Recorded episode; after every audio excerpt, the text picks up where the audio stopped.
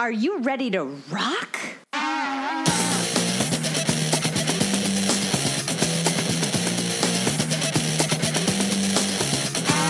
Welcome to the Women Inspired podcast, brought to you by CareerKindling.com, a growing movement to help inspire, empower, and ignite women in their careers and in their lives. I'm your host, April Seifert. Each week, I get to interview some of the most inspiring women, and I'm bringing those interviews to you. Let's get to it.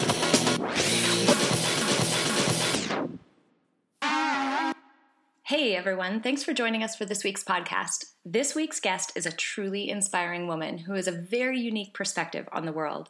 To people who don't know her, Lynn Broberg might appear to be an ordinary Midwestern woman, but that couldn't be further from the truth.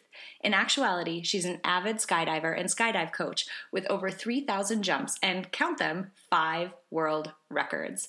In this interview, you can truly hear her love and passion for the sport as she shares with us her experiences, what it's like to hit a world record, and how the lessons she's learned while falling at over 120 miles per hour have bled over into her life and her career.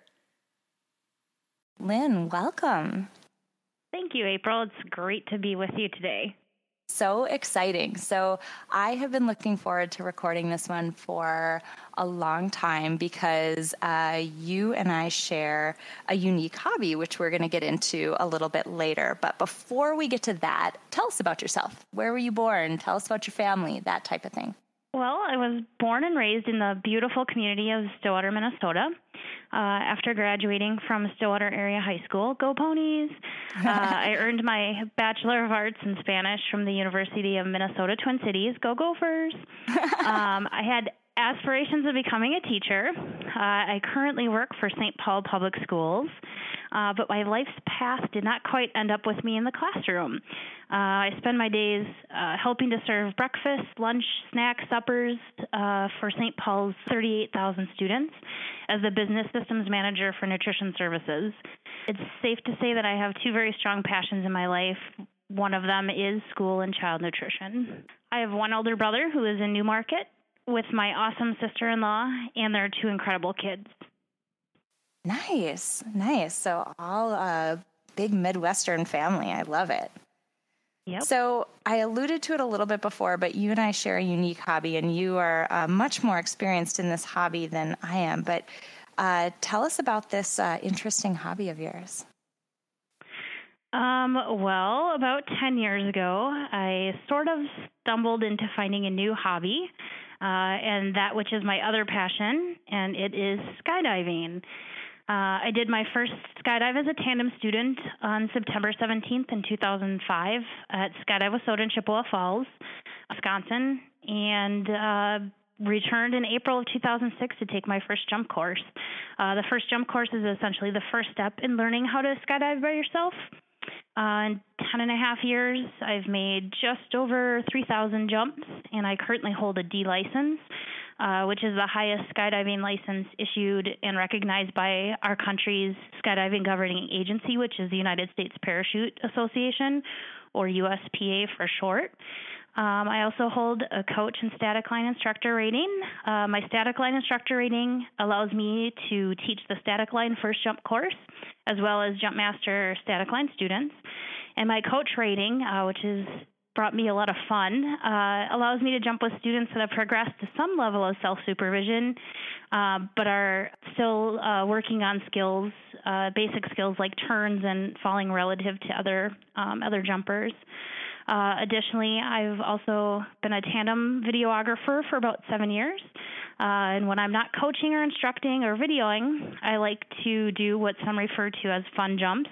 Although I've always disliked that term because I think, regardless, uh, if it's a working jump or a non working jump, for me, they're all fun. I have to say, I owe a huge uh, debt of gratitude to the folks who have their um, coach rating because as I was learning, I was one of those people who just I just couldn't maintain stability. It was just so difficult. So it was really nice to have great coaches and great instructors out there who were so patient and so fantastic as you're trying to learn this completely weird thing. It, it just, it, your body does not work the same way in the air as it does on the ground. And so when you spend your lifetime walking around on Earth, it is a bizarre experience up there. So I owe a huge debt of gratitude uh, to people who have helped others along the way. So people like yourself.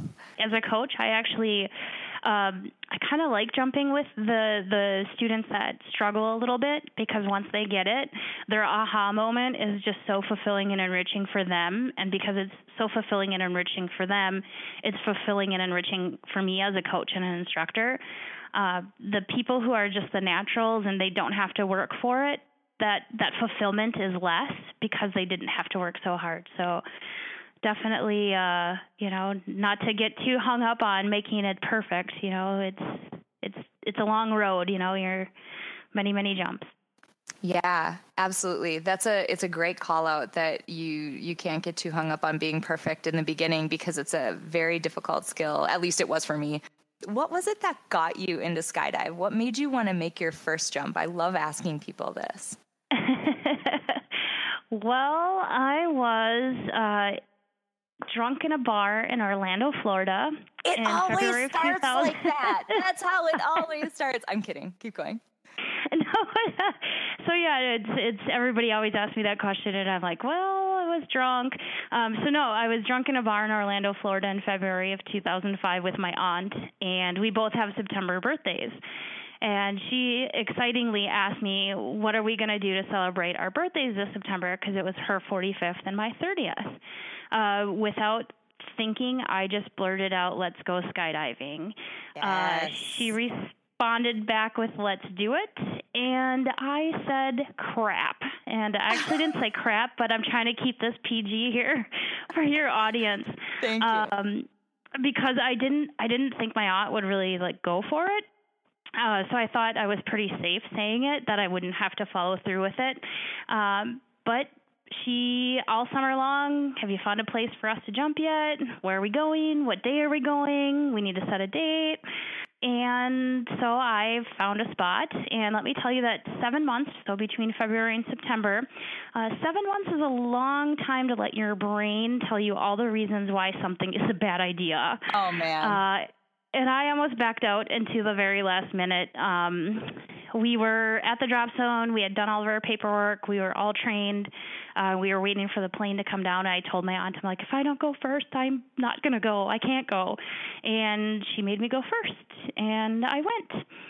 So I, I remember having a complete permagrin the entire ride, uh, plane ride up.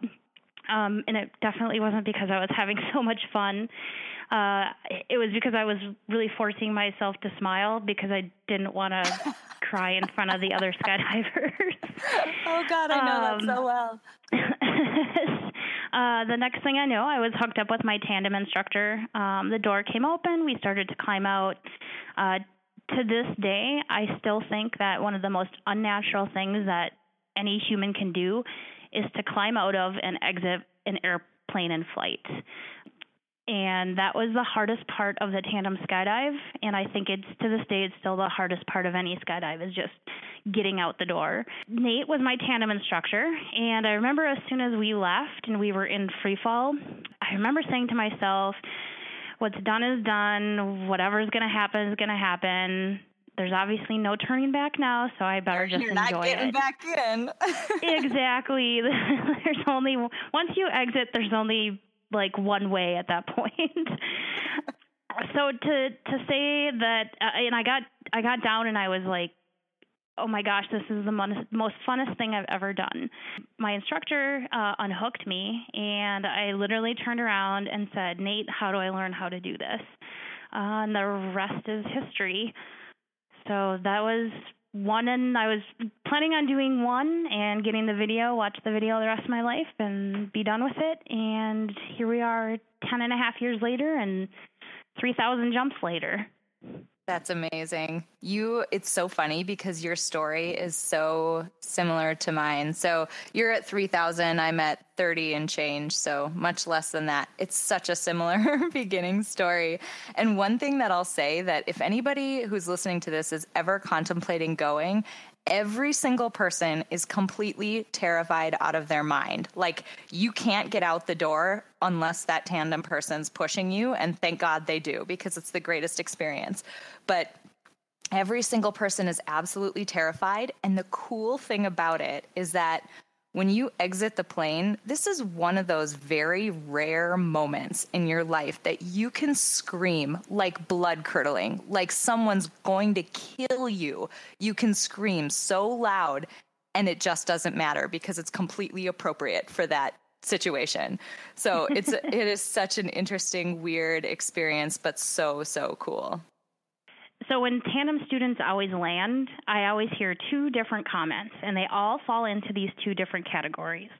The first one is that is the most amazing thing I've ever done. I am so glad that I did it, and I'm going to do it again.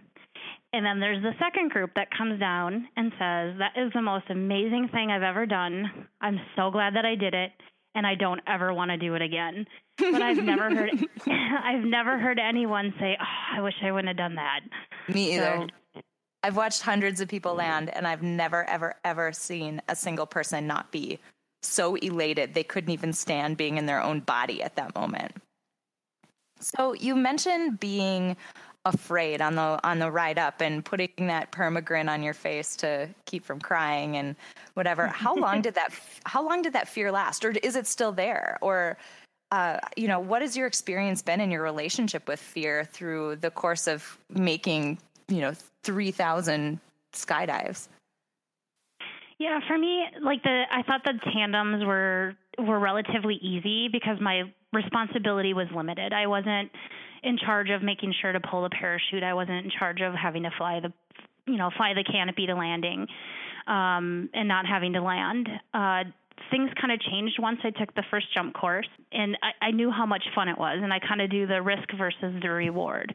So my fear is based on what's something bad could happen. And the reward is that this is so much fun. So, how I kind of managed that in my head was I'm not going to focus on the fear and what can happen. I'm going to focus on having fun and doing what I need to do to stay safe. So, instead of you know, focusing on what could happen, I was focusing on what am I going to do. And the majority of times when you start focusing on things that you need to do. Okay, I need to pull my parachute. I need to arch. Uh, you know, I need to flare um, and use my brakes when I go to land. Now I've eliminated a lot of the things that bad things that could go happen because I'm actively participating in making sure that they don't happen. The plane ride up is the most mentally challenging game you'll ever play with yourself. You start to think of like, what am I doing? Why am I doing this? Okay, I've done three. Should just call it a day. They've been three great jumps. Why do I keep pushing it? But then I remember because this is so fun. I'm doing this because it is so fun. So that that's kind of how to this day is I don't think about all the bad things that can happen. I think about all the things I'm going to do to prevent bad things from happening. That is actually a really great perspective on it. It's just a necessary evil within the sport to have a relationship with fear and it completely that plane ride up is awful for me still. It's so difficult because you're sitting and thinking about oh my gosh, what am I doing here? This is not okay. And you're right, the door is totally unnatural. It's a very weird experience, very strange. One other thing I wanted to ask you is the way that you described what you need to do in order to keep yourself safe. It was very methodical and one step at a time. What I've noticed for myself, at least within this sport, is it's one of the very few times that I can truly and completely shut my mind off except for the one thing I'm doing right at that moment because it's impossible for me as I'm thinking about arching and leaving the plane in a controlled way, or I'm thinking about uh, when I need to check altitude next, or that type of thing. I physically cannot make my brain think about the meeting I'm going to have this coming week that has been worrying me. Have you found that experience of being just completely in the moment? Yep, absolutely. And uh, I think it's uh, there's a video. I think it's called "Why We Jump" um, that does a really good job explaining how skydivers don't see skydiving as the necessarily the adrenaline and, and the stress and the uh, mental challenges that non skydivers see in skydiving or that they imagine they see in skydiving. So when I'm skydiving, um, it's actually a very relaxing thing for me. Um, my coworkers can tell if it's been a few weeks if I haven't jumped because I get a little bit cranky.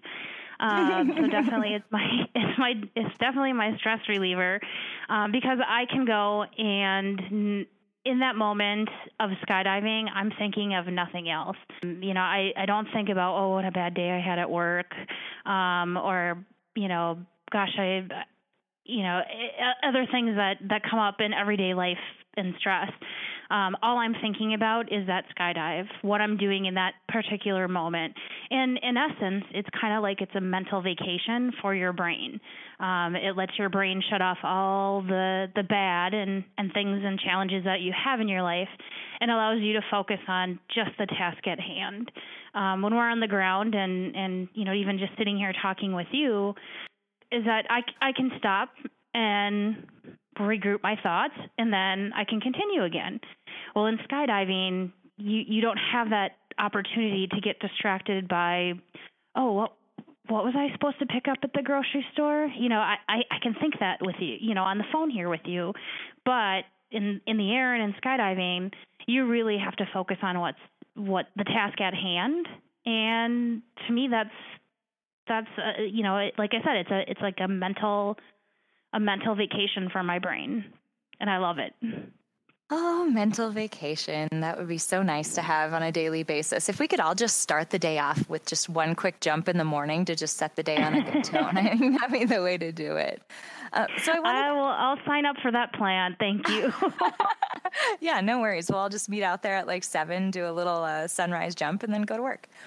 So I wanted to ask you about your experiences being a woman in this sport. You know, historically i think it has been much more male dominated i think there's many many more women although i don't know the proportions of people with licenses uh, what proportion are men and women but i see more women in the sport today. What's what has your experience been as you know being a woman in this unique sport um, it's actually been a really cool experience being a female in, in a male this male dominated sport. Um, I think USPA puts the percentages of about 85 to 15 percent male to female ratio. Wow. It might be 84 84 to 16. Um, and one thing uh, is that the more I think the more females that you have at a drop zone, um, the more females that come to that drop zone and, and see that presence, and it kind of uh, lets it flourish so that they're a little bit more interested thinking hey you know this is something i can do just along you know alongside the boys.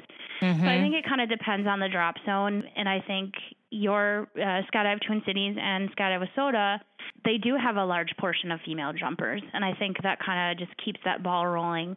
Um, i love being a female in a male dominated sport. Starting out uh, the guys are all excited to help you and teach you how uh, to improve because you're a female in the sport, a male-dominated sport, and and the females are excited. You know, other women are excited to see other other women in the sport, and you know, want to help them as much because you know we want more women in the sport.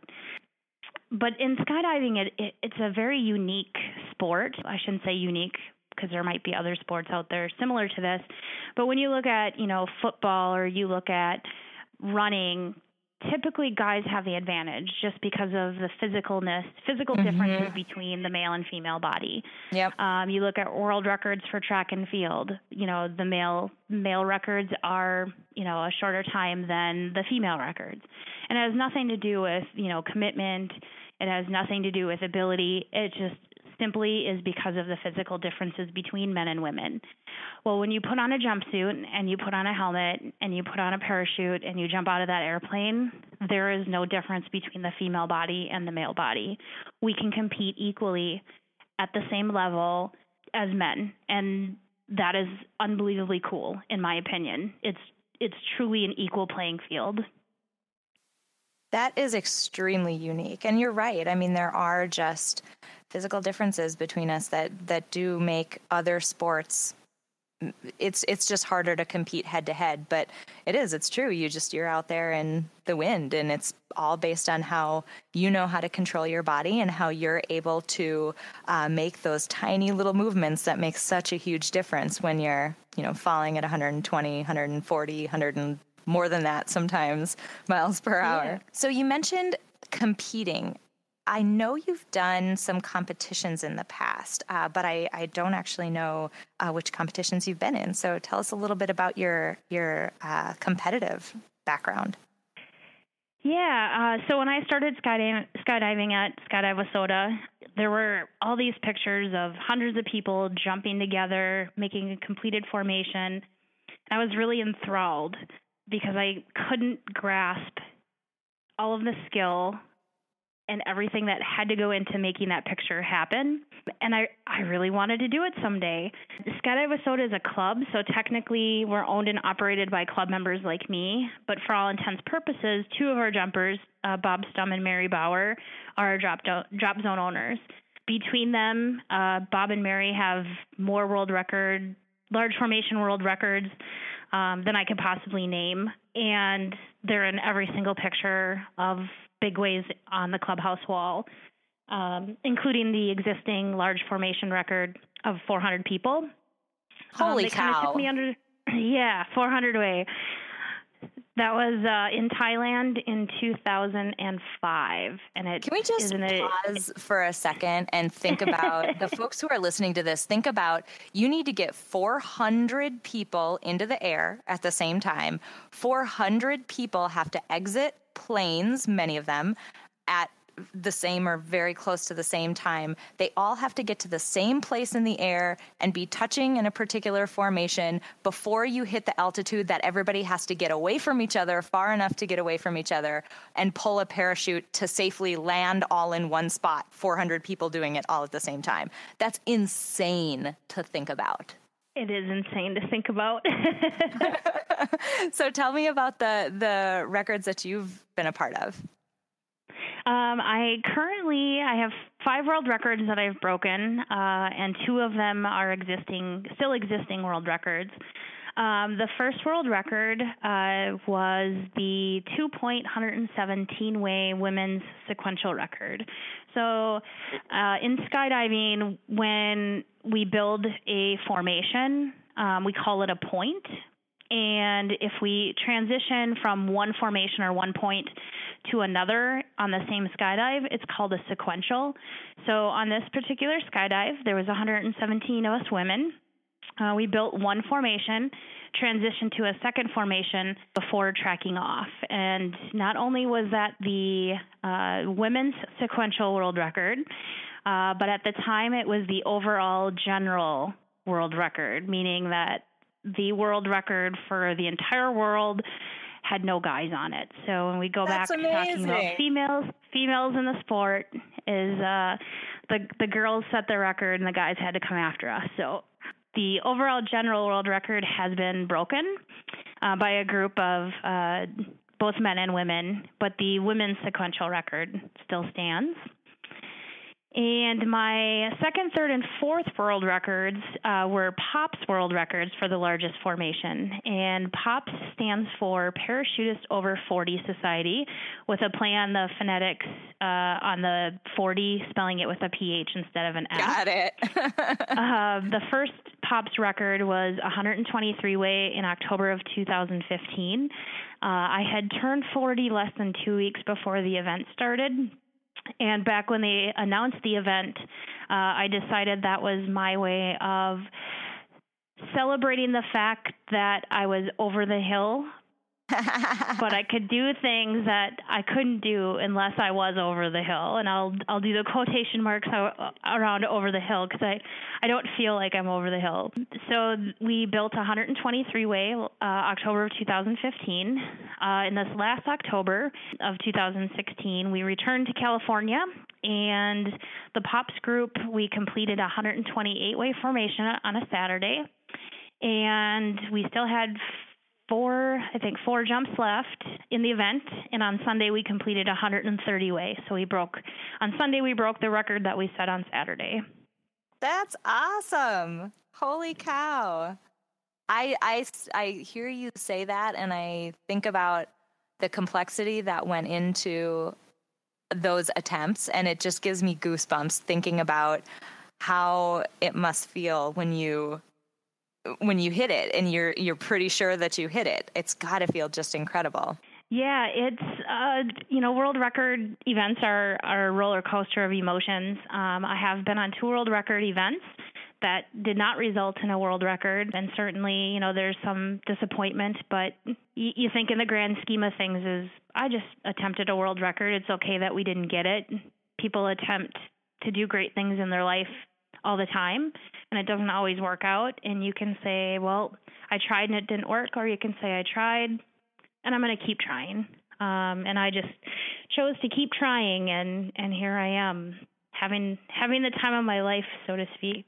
Back up from when you actually hit that record which has to feel as i said amazing how many attempts does it take? So, say for one of the ones that you, well, eh, I, I, don't know, on average, one that you made, one that you didn't make, how many attempts did you end up making? And how do you stay motivated as you're trying over and over?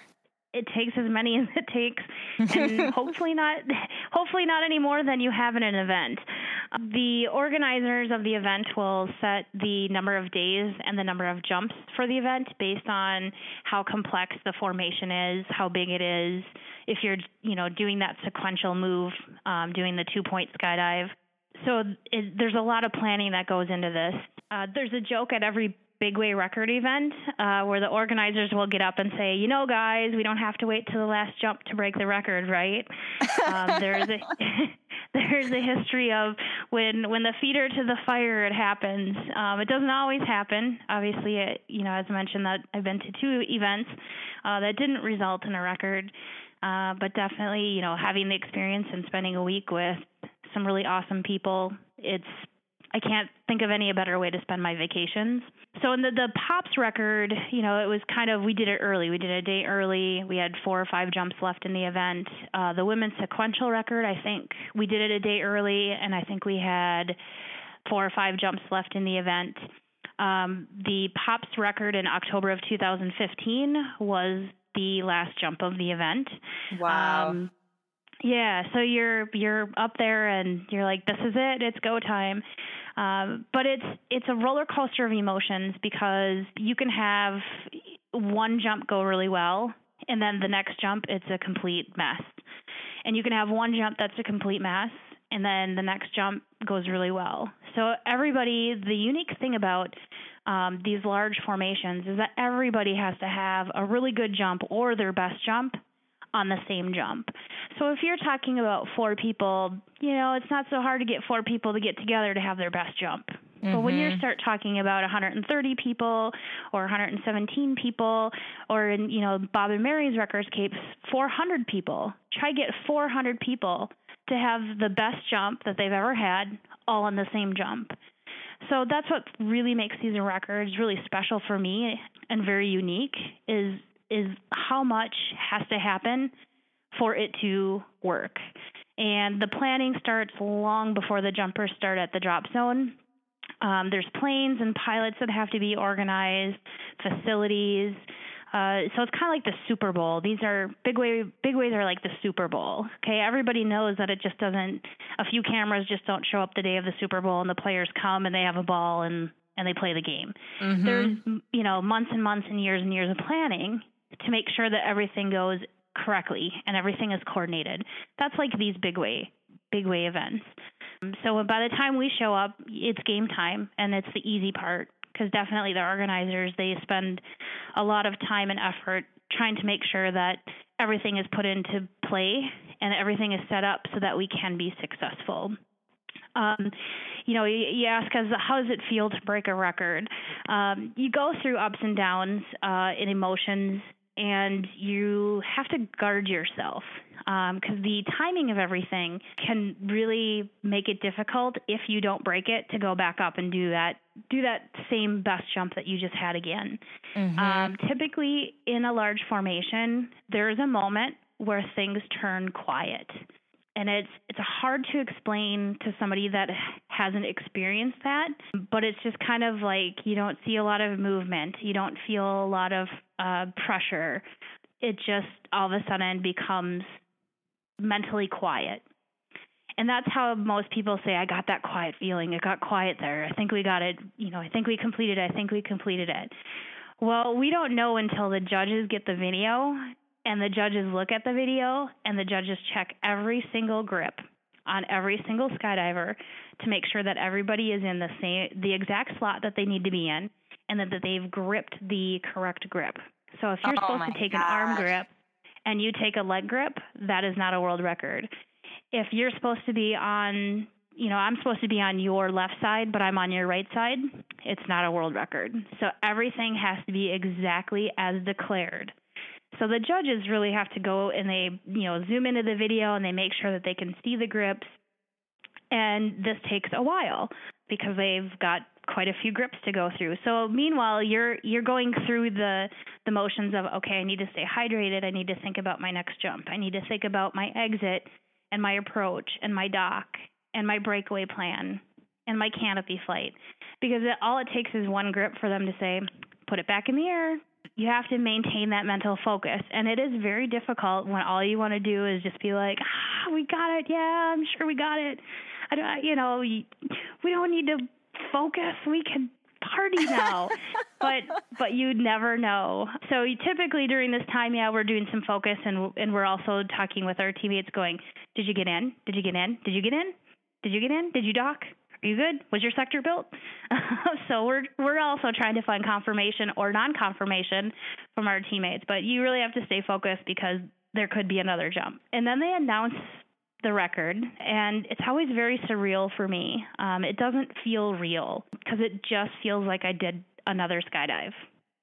Um, and it's usually after I have a few beers and maybe a shot or two of tequila at night. um, that it really dawns on me the scope of the grandness of what we did. So it it's usually very like in private that I that I have that emotional like oh, I can't believe I did that and it, and it hits me. That is a huge accomplishment. Any one of them, any big way like that is a huge accomplishment. That's amazing and very very inspiring.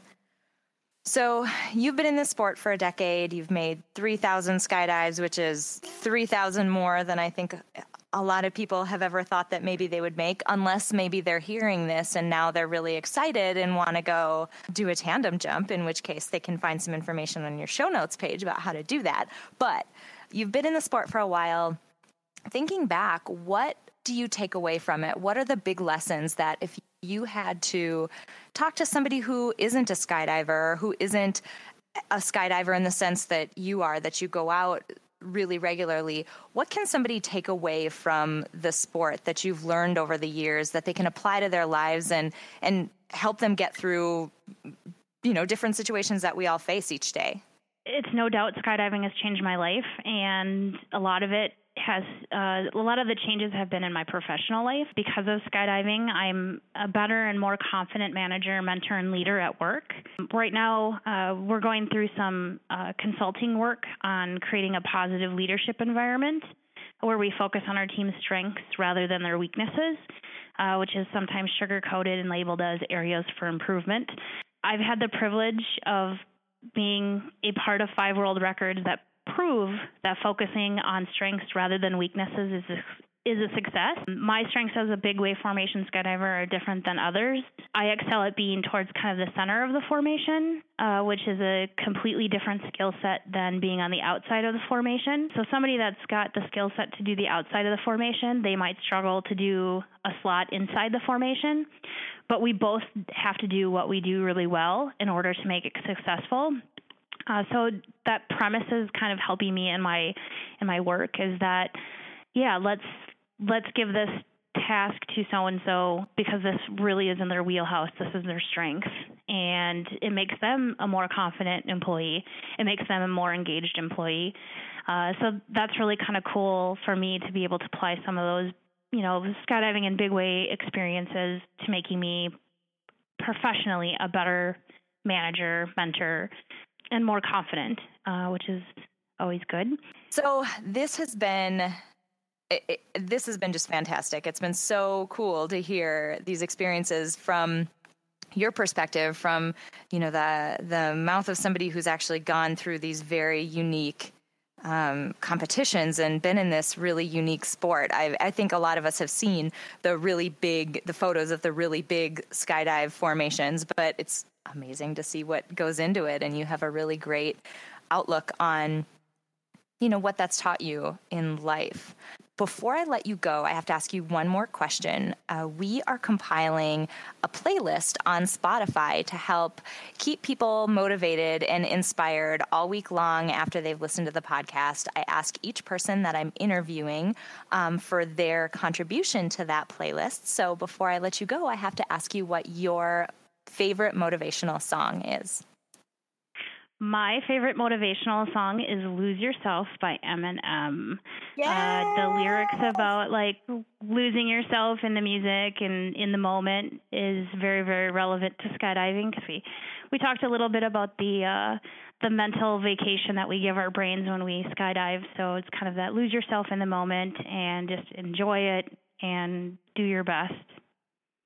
Oh my gosh, you have completely made my week. And it's, uh, this has just been so, so fantastic. I can't thank you enough, Lynn, for being open and coming on the podcast and answering all my crazy questions, but then, you know, being willing to share your experiences with a, you know, hopefully bunch of strangers who are listening to us right now. Um, can't thank you enough for the thoughtful responses you gave and for sharing everything that you've learned over the years with with all of our listeners. So thank you so much. Thank you, and thank you for having me. And uh, hopefully, we'll get some more more people to come out and try to do a tandem skydive or learn how to skydive on their own um, and join our, our great sport. I hope you enjoyed that interview with the incredibly brave Lynn Broberg of Skydive WISSOTA. To make the most of what you heard in her interview, head over to www.careerkindling.com and search for Skydive to bring up Lynn's show notes page. Here you'll find some key takeaways from today's interview, as well as some prompts to help you reflect on what you heard. While you're there, sign up to join our community and we'll give you immediate access to our Spotify Power playlist, including Lynn's song Lose Yourself. We'd also love to hear from you, so head over to iTunes, leave us a rating or a review, and if you liked what you heard, hit the subscribe button. Until next time, have an inspired week.